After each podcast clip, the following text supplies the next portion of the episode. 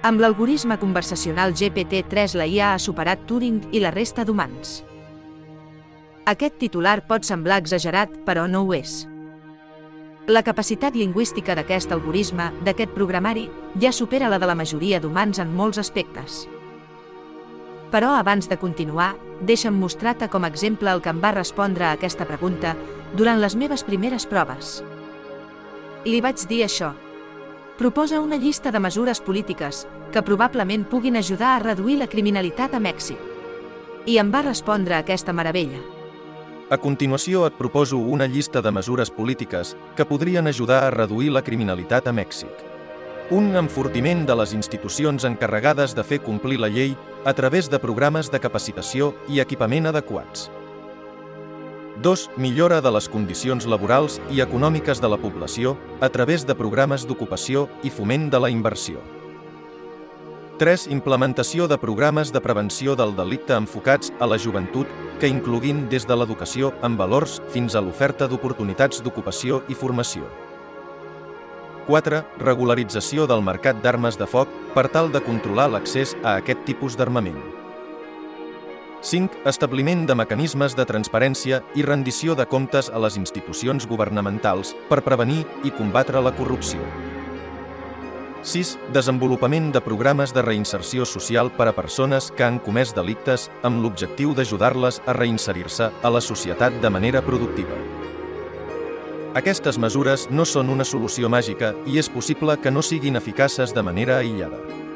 Per això, és important abordar la problemàtica de la criminalitat a Mèxic de manera integral, considerant una sèrie de factors que intervenen en aquest fenomen. A més, cal tenir en compte que la reducció de la criminalitat és un procés llarg i complex que requereix el compromís i l'esforç conjunt de tota la societat. Coneixes algú que pugui respondre amb aquest encert una pregunta tan difícil en menys de dos segons? T'adones que va entendre perfectament el rerefons de la pregunta. Has percebut la seva prudència en respondre? Però alhora la seva capacitat de síntesi. Deixa'm aclarir quatre coses tècniques sobre aquest algoritme GPT-3 de l'empresa OpenAI. Un és un programari del tipus xarxa neuronal de tipus Transformer que ha estat entrenat amb milions de textos en moltíssims idiomes, incloent llenguatges de programació.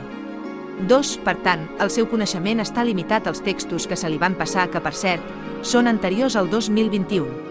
3, per tant també, tindrà els mateixos biaixos culturals que els textos que va llegir. 4. Així que pot equivocar-se en allò que digui, no hi ha cap garantia que no respongui amb coneixement fals. 5. No té voluntat. Només té la capacitat d'entendre la teva pregunta i buscar una resposta d'acord amb el que ha llegit en aquells textos. T'adones? Això és exactament el que fem els humans, almenys els que ens passem mitja vida llegint és a dir, intentar encaixar uns textos amb els altres, buscant-hi una coherència.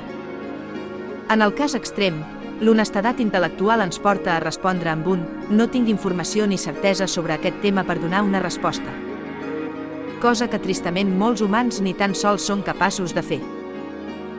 He volgut fer aquest episodi fora del normal pel que fa al contingut del podcast, perquè m'ha impactat el nivell de qualitat d'aquest programari és una tecnologia amb la que alguns somiàvem des dels 80. I ja és aquí. Això canviarà moltes coses. Tant és el meu entusiasme, que crec que això mereix un directe per mostrar per pantalla com interactuar amb ChatGPT en viu, ja que em vaig donar de alta el servei gratuït en proves d'OpenAI. Si esteu escoltant aquest episodi el divendres 2 de desembre de 2022 abans de les 20 hores, us convido que m'acompanyeu i junts tindrem una conversa interessant amb aquest programari. Ho posarem a prova. Spoiler. Ahir em va donar unes quantes bones sorpreses.